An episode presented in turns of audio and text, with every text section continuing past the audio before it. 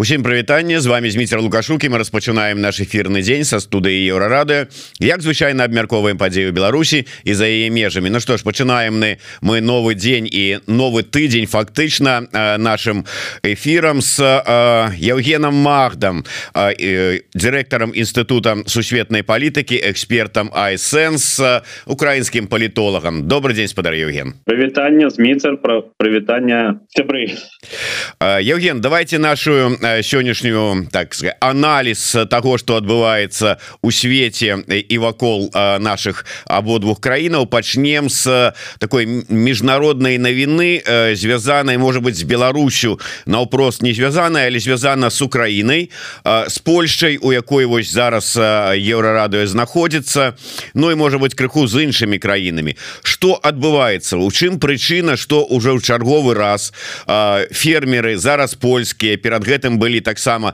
і польскія і венгерскія там ці там якія іншыя румынскія якія пачына маюць нейкія пытанні прэтэнзіі альбо да Киева альбо да зеленскага альбо да украінскіх фермераў ці да каго яны маюць что адбываецца можете патлумачыць Ну, вчора в польському прикордонні польські фермери я вважаю здійснили правопорушення, які мають кваліфікувати польські правоохоронці, тому що вони пошкодили приватну власність. Але те, що вони висипали українське зерно просто на дорогу, показавши свою зневагу до роботи їхніх українських колег, які часто сіють на замінованих полях, змушені їх розміновувати самі, часто змушені збирати урожай під вогнем і польські фермери просто показали, що вони є фактично інструментом чужого впливу. Ми бачимо, що порівняно з акціями з блокування кордону, які організував Рафал Меклер ще в листопаді минулого року, зараз іде помітна радикалізація, і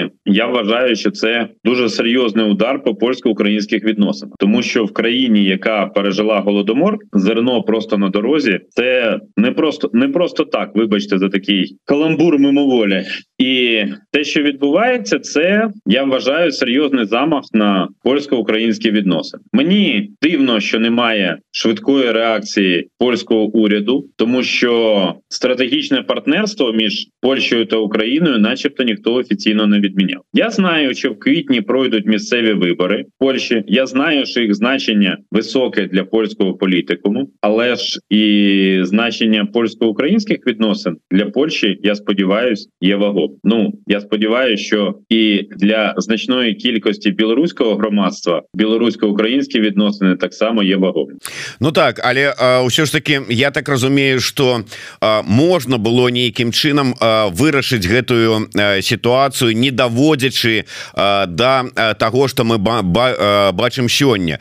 Хто то есть сапраўды вот яны потрапілі под уплыў нейкай там прапаганды там ці яшчэ чаго як вы кажаце ці ўсё ж таки не дапрацаваў Кіев не дапрацавала варшава не давяла сваю інфармацыю. Яны паміж сабой самі что-то там не дамовіліся ці хто-то дамоўленасці парушае у чым прычына публічно проблема експорту українського зерна до Польщі виплила ще 10 місяців тому під час офіційного візиту Володимира Зеленського до Варшави. Тоді пішов у відставку тодішній міністр сільського господарства Польщі. Тоді більш активно почали говорити про те, що українське зерно залило польський ринок. Я не бізнесмен, але я не можу собі уявити, щоб, хоча б один вагон зерновоз чи одна вантажівка з зерном перетнула польсько-український кордон, не знаючи, де вона буде розвантажена. Тобто, це все було організовано по обидва боки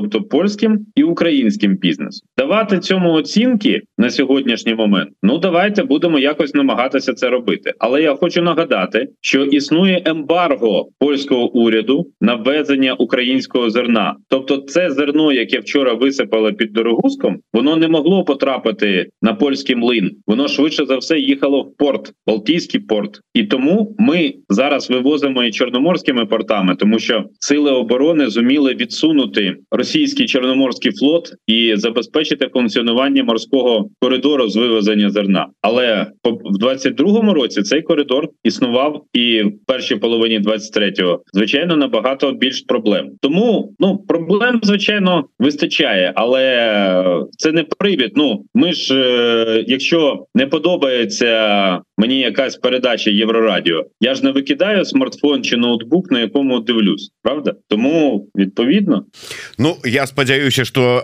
не тільки не викидаєш смартфон чи ноутбук, але і нема таких передач Єврорада, які тобі не подобаються. А яны хотя можа бути пэўныя крытычныя ёсць Евген калі уже закранули міжнародную тэматыку давай звернемся яшчэ да ЗША да выбораў якія там плануюцца распачаліся уже выбарчая кампанія і да пагрозы того ну там пагроза не пагроза верагоднасць того что прэзідэнтам ЗША можа стаць Дональд Туск адны эксперты Ой Дональд Трамп да выбачаюся читаю просто каментары про Туска і сікорскага і ну, ведаеш помылкам. Но тым не менш Трамп. Адныя эксперты кажуць что нічога страшнага не будзе Трамп чтоб ён там не гаварыў ён не можа узяць і э, змяніць рэзка э, знешнепалітычную лінію і гэтак далей гэтак далей але я слухаю э, недаўнішнія вось апошнія выступ выступ заяву Трампа. Дзе ему прыгадалі э, э, колішнія э, размовы про тое что вот э, бараніў бы ён краіну НАТО якая э, не ўсе вы зрабіла выплаты да бюджэту вот это самага НАТО. І ён э, тады сказаў что да я яшчэ Россию наадварот бы под бухтороваў каб яны рабілі что хочуць с такими вот э, неплательшчыкамі і зараз ён паўтарыў гэтыя свае словы сам іх прыгадаў. Ці не сведчанне гэта сапраўды того что чакаць от Трампа э, і НАТО самому і Еўропе Европе и Украине э, шмат не доводится. я... так Евген пропаў гук нешта там я, я, я тут ага. Е, нам треба дивитися на те, як відбуваються вибори в Сполучених Штатах, і розуміти, що те, що відбувається в виборчій кампанії, і те, що буде відбуватися після її завершення, це все таки різні речі. Трамп відомий своїми ексцентричними заявами. Він любить і вміє робити гострі заяви, але сказати однозначно, що все, що він пообіцяв, воно буде втілене життя в разі його обрання. Я все таки не став, тому що ну це по перше, нереалістично. По-друге, я не думаю, що це можливо, і все таки досвід перебування Трампа на посаді в 16-20 роках він свідчить, що там були зовсім інші речі, і зовсім іншою була поведінка. Тому я розумію, в якому сенсі, хоча мені важко розуміти цю логіку, коли він до себе підтягнув. Ну тому що він б'є. Мені важко це розуміти, тому що він б'є по інтересах України, але він привертає до себе увагу. Чому тому, що він може бути позбавленим можливості бути включеним до бюлетенів в низки штатів, і відповідно його позиції кандидата в президенти послабляться. І зараз Трамп намагається максимально до себе привертати увагу, максимально набирати очки, максимально, якщо хочете, помітити свій електорат і сказати: ось ось ті люди, з якими я буду йти на вибори, ось ті з ким я буду відповідно е, працювати чиїх інтересах. І коли ми говоримо про ситуацію в американському конгресі, де в палаті представників республіканці займають певну позицію, ну фактично торпедуючи ініціативи, спрямовані на підтримку України, то це пов'язано рівно з тим, що на початку листопада відбудуться не лише президентські вибори, а й вибори до палати представників і члени республіканської партії сьогодні вбачають, що локомотивом партії в контексті президентської кампанії і виборчої кампанії по країні буде саме Дональд Трамп.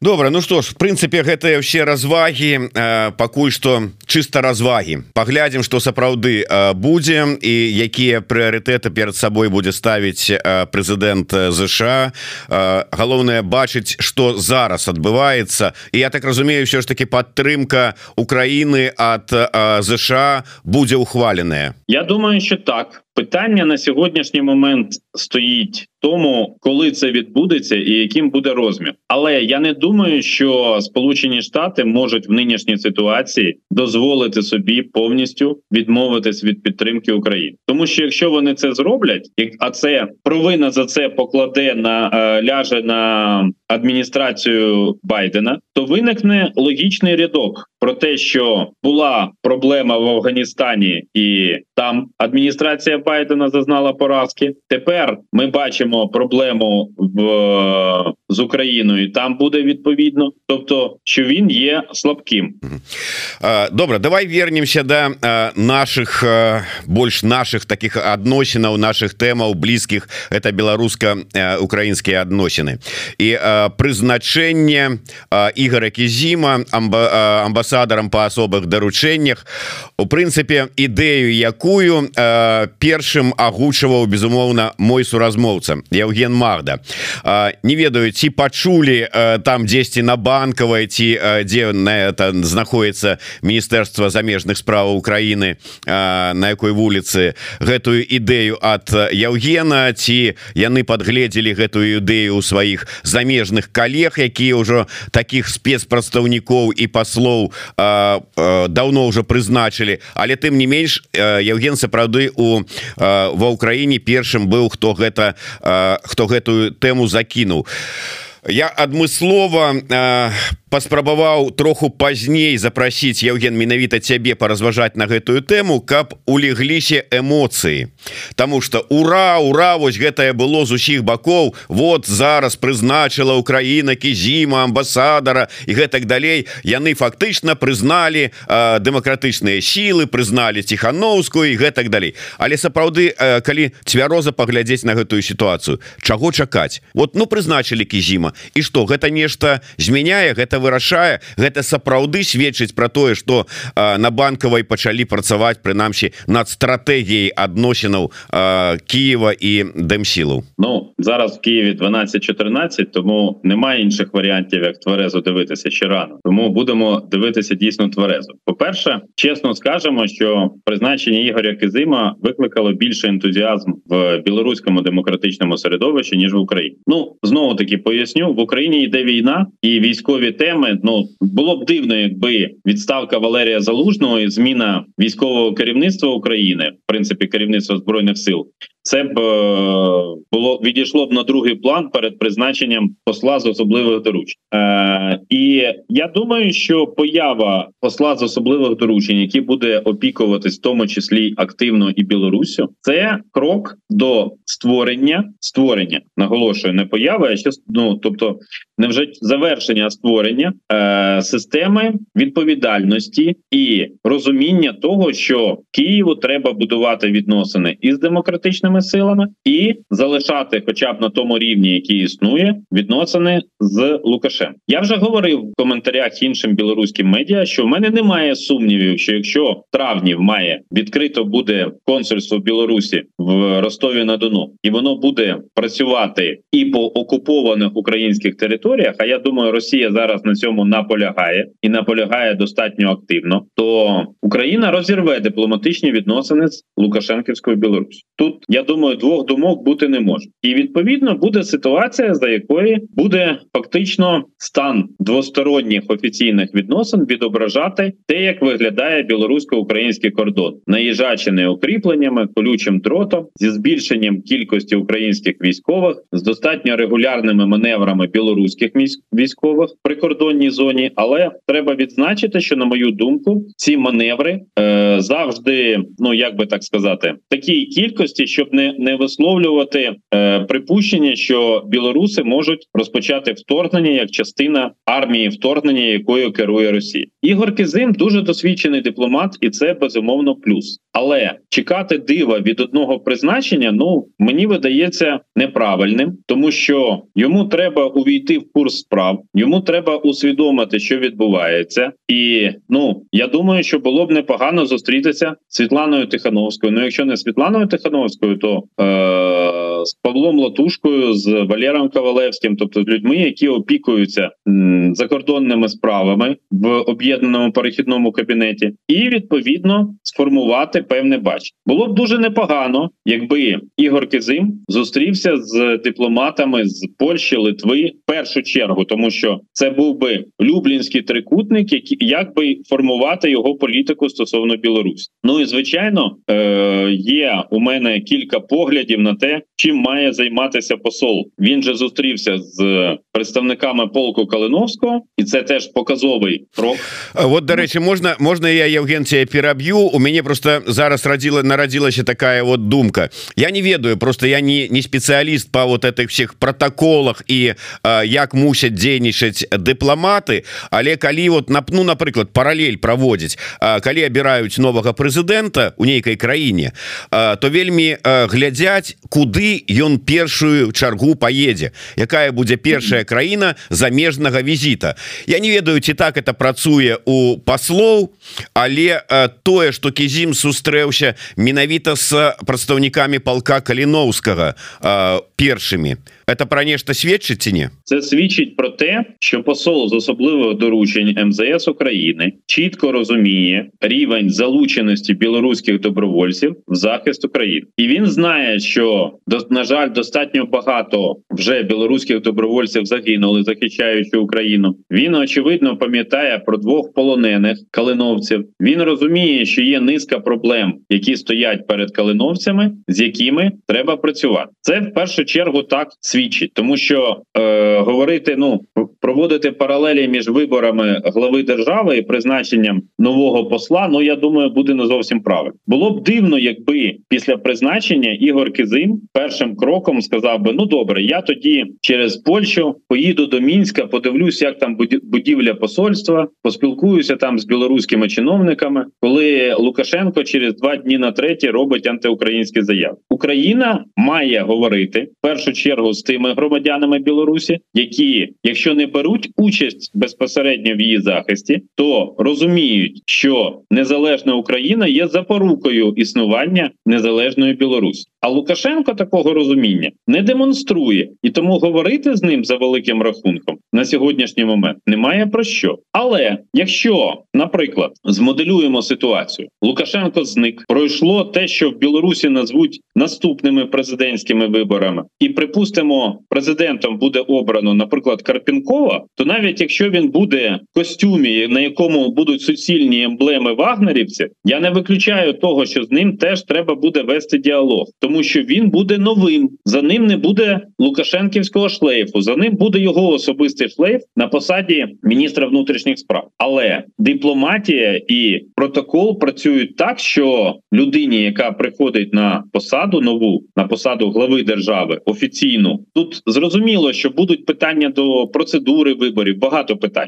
Але зміна людини на вершині білоруської піраміди влади може активізувати діалог цієї людини з Вашингтоном, Брюсселем, Берліном, Варшавою, Києвом, Вільнюсом. Тобто, це буде нормальний природній процес. і Він нікого не повинен дивувати. Калі адразу по прызначэнню пачаліся такія выказванні што вось ёсць адмысловы чалавек по амбасадар я там не ведаю як там правильно сказать амбасадар по адносінах супрацы з дэмакратычнымі сіламі то это не зусім так. Дэмакратычнымі сіламі умоўна кажучы мандат спадаракі зіма не абмяжоўваецца і калі цяпер ён не можа поехать у мінск і не мае такого жадання не сам не у Киева каб ён сустракаўся с лукашенком то гэты чалавек ён как бы мае мандат на поездку і сустрэчу с як вы там лукашенком 2.0 да це, ну я думаю що е, за певних обставин Ігор Кизим міг би здійснити і поїздку і до мінська. Тобто ну він дипломат тобто він користується відповідним дипломатичними імунітетами навіть дипломатичні відносини між нашими країнами все ще збереж і те що він залишався працювати послом ще півтора роки після того як вересні 20-го року його машину порушення віденської конвенції примусово оглянули е, білоруські прикордонники. Це свідчення того, що він людина витримана, людина, яка не боїться таких викликів. Просто людині слабкою нерв слабкою нервовою системою на посаді посла, на мою думку, робити нема чого так за моїми спостереженнями. Я думаю, що у Кизима нерви міцні, але е, з твого дозволу я хотів би використати ефір Єврорадіо. Я думаю, що його Ігор Кизим слухає і інші е, люди, які цікавляться білорусько-українськими відносинами. Хотів би звернути свого експертного своєї експертної дзвіниці е, погляд на те, які проблеми можливо були б важливі, не не лише проблеми добровольців і їх забезпечення, тому що ну вони пріоритет з однієї простої причини: вони воюють за Україну, захищають Україну. І є, як я вже сказав, кілька десятків людей, які загинули, захищаючи Україну. Тобто, допомога їм є очевидним зрозумілим пріоритетом. Це наша вдячність цьому ж контексті наступний крок. Я знаю, що вже є біля 400 так званих хрещених батьків білоруських політичних в'язнів серед європейських політиків. І я вважаю, що Ігор Кизим міг би в Україні стати провайдером цього процесу створення такого інституту хрещених батьків українських політиків, щоб вони порушували це питання на різних європейських форумах, говорили про це. Тим більше, якщо це рейкові партизани чи люди, які публічно підтримували підтримували Україну тощо далі. Друге це використання українських можливостей для підготовки білоруських суддів для нової Білорусі. Я спостерігаю за тим, як в Білорусі активно позбавляють ліцензій, як є ну є організація, навіть дві організації колишніх правоохоронців, але я поки не чув про організації колишніх адвокатів, нотаріусів, суддів в Білорусі. А суд, незалежний суд, це ну достатньо, е, я б сказав, вагомий фактор перетворень. Я розумію, що українська судова система не ідеальна. Але е, я думаю, що пострадянські реалії України і Білорусі в багатьох питаннях вони подібні, і вчити суддів. Ну припустимо, е, можна було можна і на території Європейського союзу, звичайно, але дивитися на на багато речей, багато прецедентів можна і на території України. Ще один фактор це е, ця е, ситуація навколо культурної співпраці. Наш спільний знайомий Андрій Стрижак пропонував після евакуації Марієм Герасименка, щоб вона е, заспівала дуетом з Святославом Вакарчуком, тому що її в свій час на цю нахімію засудили після того, як вона публічно виконала його пісню. Нам потрібна культурна співпраця, хоча б тому, що ми дуже мало знаємо один про один. І Якщо в Білорусі будуть е, ну не в Білорусі на території Білорусі, а білоруські демократичні сили, і ще одна наша спільна знайома Аліна Ковшик би зосередила зосередилась, скажімо, серед іншого на перекладах української літератури для білорусів, скажімо, Андрія Любки. Я знаю, що Сергія Жадана видавали в Білорусі ще попередні часи. А в Україні видали Альгерда Бахарєвича, то це допомогло нам допомогти. Е, ну допомогло б краще дізнатися один про одного. Я хочу, щоб в кожному українському місті була площа перемоги, і це був би, я думаю, дуже цікавий тренд. І є, наприклад, питання спільної документалістики. Це це те, над чим теж можна працювати, і речі, які теж можна спільними е, справами робити. Плюс нам просто взагалі не, не вистачає різноманітних контактів. Нам потрібно скористатися тим, що з'явився посол з особливих доручень, і є з того боку об'єднаний перехідний кабінет для того, щоб провести інвентаризацію білорусько-українських відносин, визначити які слабкі місця, і визначити, тому що цих напрямів достатньо багато. Нам не треба чекати зміни влади в Білорусі для того, щоб працювати над покращенням білорусько-українських відносин. Ми ж з тобою не чекаємо зміни влади в Білорусі. Правда, ми намагаємось показати шлях, яким треба йти для того, щоб білоруси і українці краще розуміли один одного. сапраўды я вот памятаю гэтую гісторыю на жаль з яе нічога не атрымалася зрабіць вось дуэт герасименкі і вакарчука а ўвогуле конечно сёння было б вельмі добра зрабіць таких ну может быть шэраг дуэтаў Ну я не ведаю там каб заспявалі разам э, розныя артысты беларускія с рознымі артыстамі э, спевакамі украінскімі сумесныя песні там э, украінскія перакладзе на беларускую беларускія перакладзе на э, украінскую. Там вольскі умоўна кажучы калі Ерасіменко с вакарчуком то вольскі з якімі-нибудь братамі гадзюкіным там ці яшчэ что-небудзь э, гэта было б канешне э, вельмі вельмі цікава. Наколькі да часу не да часу можа сапраўды я тебе вибач переб'ю. Давай ідею конкретизуємо. Буде день волі. Його будуть святкувати очевидно в Варшаві і Вільні. Чому б не запросити українських співаків, українських зірок для того, щоб вони там виступили, хоча б навіть в такому напрямку. Ну да цікаво, конечно добра давай що ж таки вернемся до гэтай ситуации кажуць Ну ёсць такое меркаванне что Ігор Кізім стане таким но я не ведаю там с магчымасцю как бы или чалавекам які аб'яд ну дасць магчымы коридор зробіць э, пра, пра, для правядзення сустрэчаў паміж арганізацыі сустрэчаў там дыялогаў э, перадачы праблемных пытанняў гэтак далей. Паміж беларусамі там будь-то лідары дэмакратычных сілаў грамадзянская супольнасць і украінскім грамадствам і палітыкумам банкавай той же самой гэтак такой. Так гэты канал вот кізім у якасці канала такого вот сувязі ён до нормальнага добрага ўзроўню. Вот ці не будзе такого что раней жа ж усе хто прыязджаў як кажуць хадакі у Кіев Ну яны імкнуліся як ну хотя б да падаляка потрапіць у кабінет. Вот з ім там фото зрабіць пагаварыць і гэта ўжо ўзровень бо на банкавай пабываў з цэлым дарадцам цэлага ермака там цікаво там адміністрацыі пагаварыў.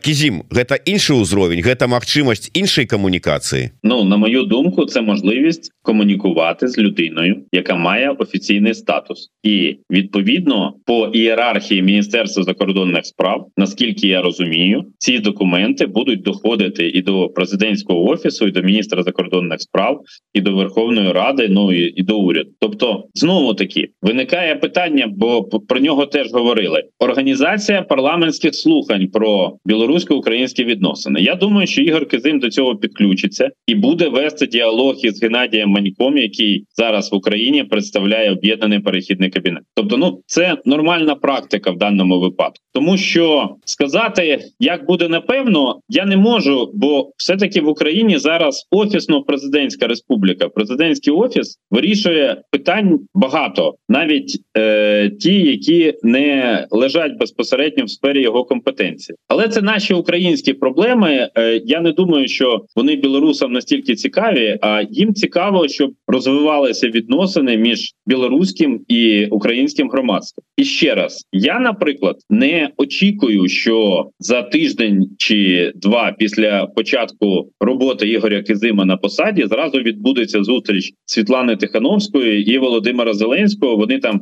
обговорять все, підпишуть, і я не знаю, е- розпочнеться якийсь процес дуже е- швидкого зближення позицій білоруських демократичних сил і України. Але з іншого боку, я подивлюсь на іншу проблему е, очима іншого дипломата. Посол Білорусі в Росії Сміцер Крутой заявив, що будуть Білорусь і Росія узгоджувати списки екстремістів. Ну от я, наприклад, в Білорусі двічі екстреміст за переможний Магдіяж і за буст. До речі, глядачі і слухачі Єврорадіо. Я думаю, періодично там дивляться і бачать наші трансформації. Останнім часом ми будемо виходити на більш такі я б сказав е, аналітично дайджесні матеріал.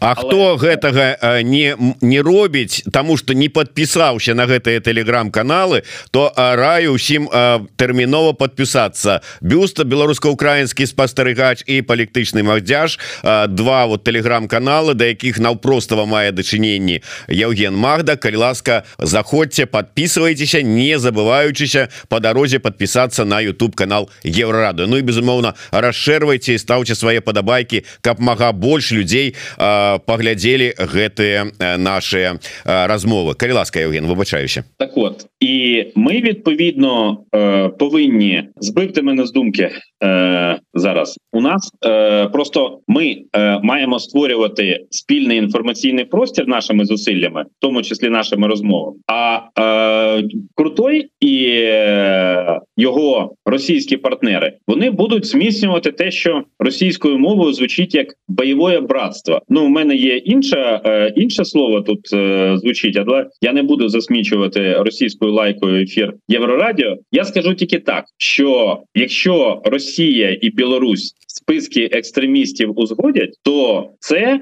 назавжди припинить ілюзію білоруських демократичних сил з приводу можливості говорити з Путіним. Про щось, про що небудь, тому що вони ж всі екстремісти і будуть відповідно цьому екстремістському списку. І я думаю, що це було б корисно для білорусько-українських відносин провести е, якийсь захід, на якому міг би побувати. Чи Михайло Подоляк як символ державного впливу на білорусько-українські відносини, чи Ігор Кизим, який, до речі, був на конференції Шлях до волі, хоча на той момент ще не був призначений послом з е, особливих доручень, чи е, може ну я не знаю там е, вище я в даному випадку не беру, але просто чим більше ми будемо здійснювати двосторонніх заходів, і чим більше ми будемо про них розповідати, тим більш оскаженілими будуть люди, які обслуговують Лукашенка, і люди, які обслуговують Путін. Євген, я пригадываю нашу колішнюю з тобою розмову після того як была фото у соцсетках тихохановской з колішнім прэзідэнтам Украины Порошенко і ты тады казаў про тое что ну помылка з боку офіса что яны гэта зрабілі бо маўляў ну не любяць на банкавай Порошенко. І пытанне пытанне з гэтай нагоды от блогера дороги прывітанне дорога пытанне да Евгена піша дорога наколькі унутры украінская палітычная супрацьстаянне адбіваецца на супрацы з новой Беларусю? Умоўна кажучы калі сахашчык фоткаецца з залужным а тихохановская с порошенком зяленко зяленская гэта злуе ён крыўдзіцца Ну коли Порошенко фоткаецца з тихохановскую то звичайно навряд чи це подобається офісу Зеленського це зрозуміло але е, зараз ну залужний фотографувався з Сахатчиком коли він командував збройними силами у нас минулого тижня змінився командувач збройними силами тому я думаю що такої гострої реакції немає насправді подібні реакції вони не є показником якоїсь політичної зрілості. Вони швидше є показником дитячих поглядів на політику, і мені б хотілося, щоб їх було менше. Мені б хотілося, щоб в наших двосторонніх відносинах ми стояли на певних рейках того, що нам потрібно робити. От ми маємо пам'ятати про те, що без демократичної Білорусі немає безпечної Європи, без незалежної України немає незалежної Білорусі, і в цій системі координат ми маємо відповідним чином діяти. Якщо ми можемо діяти, тоді це буде для всіх нас користь. Україна сьогодні має сильнішу позицію. І я ще наприкінці 2022 року говорив, що шановні, давайте ми будемо говорити про те, що Україна має робити перший крок на зустріч. З цим поки що не складається. Але якщо ми будемо порівнювати з попередніми місяцями, то все таки ну в 23-му році з попередніми роками, в 23-му році цей діалог якось пожвавився. Більше людей вирішили сфотографуватися з подаляком. Більше е, представників білоруської білоруських демократичних сил. Це безумовно плюс. Е, добре, е, але е, ось яшчэ одна ці наколькі змены гэтыя у е, там типа э, дыалога по пашырэнні сыграюць на магчымасць все ж таки на высокім узроўні контактаў мы не один раз сказали про тое что ну вот чаму зеленскі не сустрэнецца но на пачатку казали с тихохановской зараз прынцыпе размова не про тихохановскую а ввогуле про прадстаўнікоў дэмакратычных сілаў Беларусі Ну можа б сабралі які-нибудь я не ведаю там круглы стол і тихохановскі звярнул это сама зеленскі звярнул вярнуўся там праз тихохановскую да тихохановская да латушки там яшчэ что-нибудь. Ну вот на таким узроўні мне э, заўсёды казалі что Ну э, па-першае зеленскому зараз э, э, шмат э, э, не до того у яго іншыя праблемы іншыя пытанні. По-другое А навошта яму гэта трэба? Вот что сустрэча там с тихохановскай з латушкам там я не ведаю яшчэ з кім-небудзь э, да з усімі разам імі дасць Украіне. Яны что там зброю пададуць дапамогу якую дадуць ці что то есть вот ситуация і на сёння таким же чынам выглядае без э, магчымасці прадастаўлення конкретной дапамоги без того каб умоўны там латушка приехаў вот тут у яго папка с документами э, наконт э, злачынства лукашэнкаўского режима э, с датычна украінскіх дзяцей а под гэтай мышкой хаймерс. І тады зеленскі зім сустрэнецца э, Я думаю що не буде такої зустрічі тому що можливості білоруських демократичних сил питанні отримання зброї обмежені. Але якщо ми говоримо про військо то якби військовослужбовець полку Калиновського став би те що називається посада офіцером зв'язку у польсько-українсько-литовській бригаді яка базується в Любліні тобто позначив би своє представництво і відповідним чином це стало б відомо то це був би непоганий крок. Це був би крок який показував би що країни які входять до Люблінського трикутника вони зацікавлені в створення нових білоруських збройних сил, які не будуть спиратися на радянську спадщину,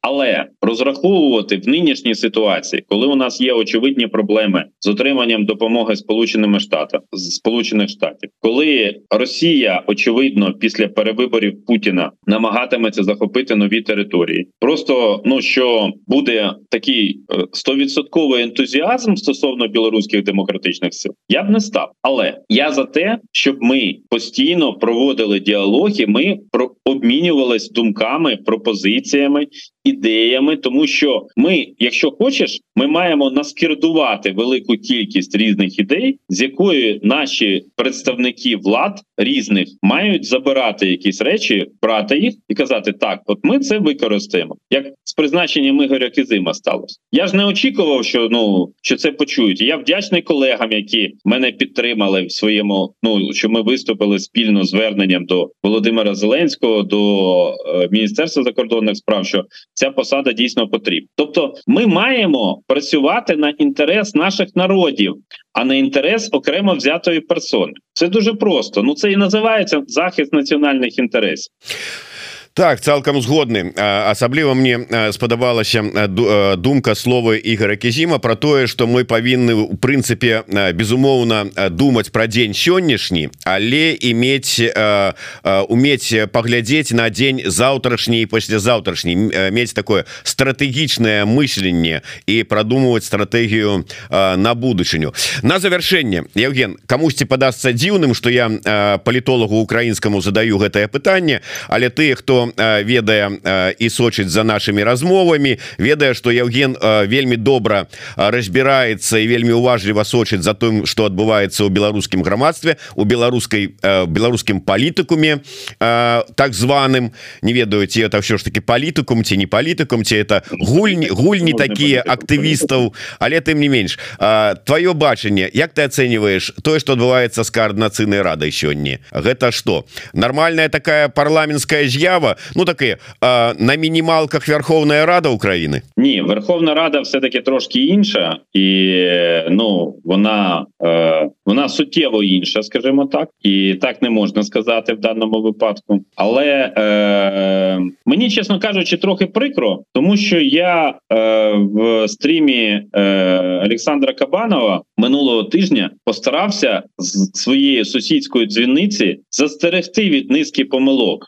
Я роз я розумію, прекрасно розумію, що не подобається е, нікому, коли іноземець, будь-який, який навіть вважає, що він розуміється на білоруських питаннях, він він в щось влазить. Я розумію це. Тому я намагався бути делікатним і намагався давати е, поради, скажімо, е, ну так коректно. Але я не зовсім зрозумів оцю всю ідею, що спочатку, ну е, коли закінчується вже повноваження координаційної ради, а ще не призначено, як буде проходити наступні вибори. Це мені не зовсім зрозуміло. Мені не зовсім зрозуміло тут же як політологу ідея з трьома бюлетенями, тому що я, я скажімо так, я вчу студентів тому, що е, мають бути вибори максимально простими. Ну перепрошую, з пісні слів не викинеш. Правила мають бути для дурня, не для дурня в чистому вигляді. Ну а правила я перефразую. Правила мають бути для людини, яка просто візьме участь в годину X цьому голосуванні і чітко буде переконана, що її голос буде врахований. От такого на сьогоднішній момент такої впевненості в мене немає. Коли е, ну добре, що не призначили вибори на літо, тому що практика європейська показує, що вибори влітку це погано. Те, що почали відходити е, помітні члени координаційної ради з своїх посад після 8 лютого, це логічно, тому що вони думають про власне політичне майбутнє. Їхній термін повноважень закінчився, і вони тому відповідно вирішили все. Ми своє відпрацювали, і ми будемо балотуватися на наступних виборах. Я поки що для себе не розібрався, чи є фінансові обмеження в агітаційній кампанії, тому що коли вона буде вестися здебільшого в інтернеті, ну я ні, ні для кого не відкрию секрет, що технологічно це можна зробити, щоб з усіх е, майданчиків лунав умовний заклик: голосуйте за блок Магди Лукашука. Ну зрозуміло, що я то точно не буду балотуватися в координаційну раду.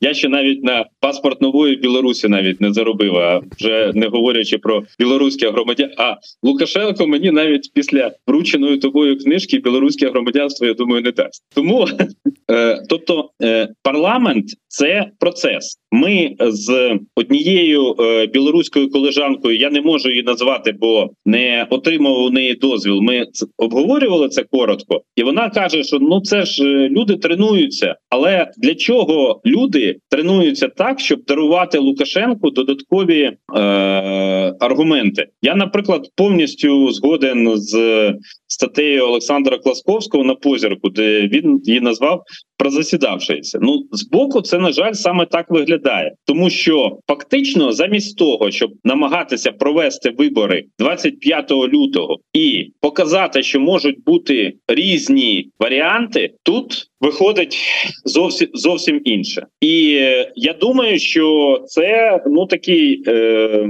це це може вплинути на е, процес обрання майбутньої координаційної ради. Тобто, якщо буде відносно невелика кількість бюлетенів, то її зразу будуть ділити на три. Ну на на, на правила ж передбачаючи три бюлетені, значить не будуть думати там кожен врахував три бюлетені чи ні, а будуть на три і все. І відповідно е- це буде процес, який ну дійсно має такий е, серйозний вплив. Тобто кількість в даному випадку має значення. Тому е, я насправді дійсно уважно стежу, намагаюся стежити за тим, що відбувається, і я б хотів, щоб в новій координаційній раді були представлені і білоруські військові, в тому числі добровольці, які можливо колишні, можливо, ті, хто зараз беруть участь у бойових діях, вони ж залишаються громадянами Білорусі, і представники білоруського бізнесу, які можуть говорити про проблеми, з якими вони стикаються, і представники громадських організацій. Але я категорично свого боку я проти квот. Я б краще тих, хто є на сьогоднішній момент політичними в'язнями, я б розподілив на прохідні місця тих списках, де вони ну кожна кожна партія, на жаль, чи кож, кожна група, вона може кожен список може включити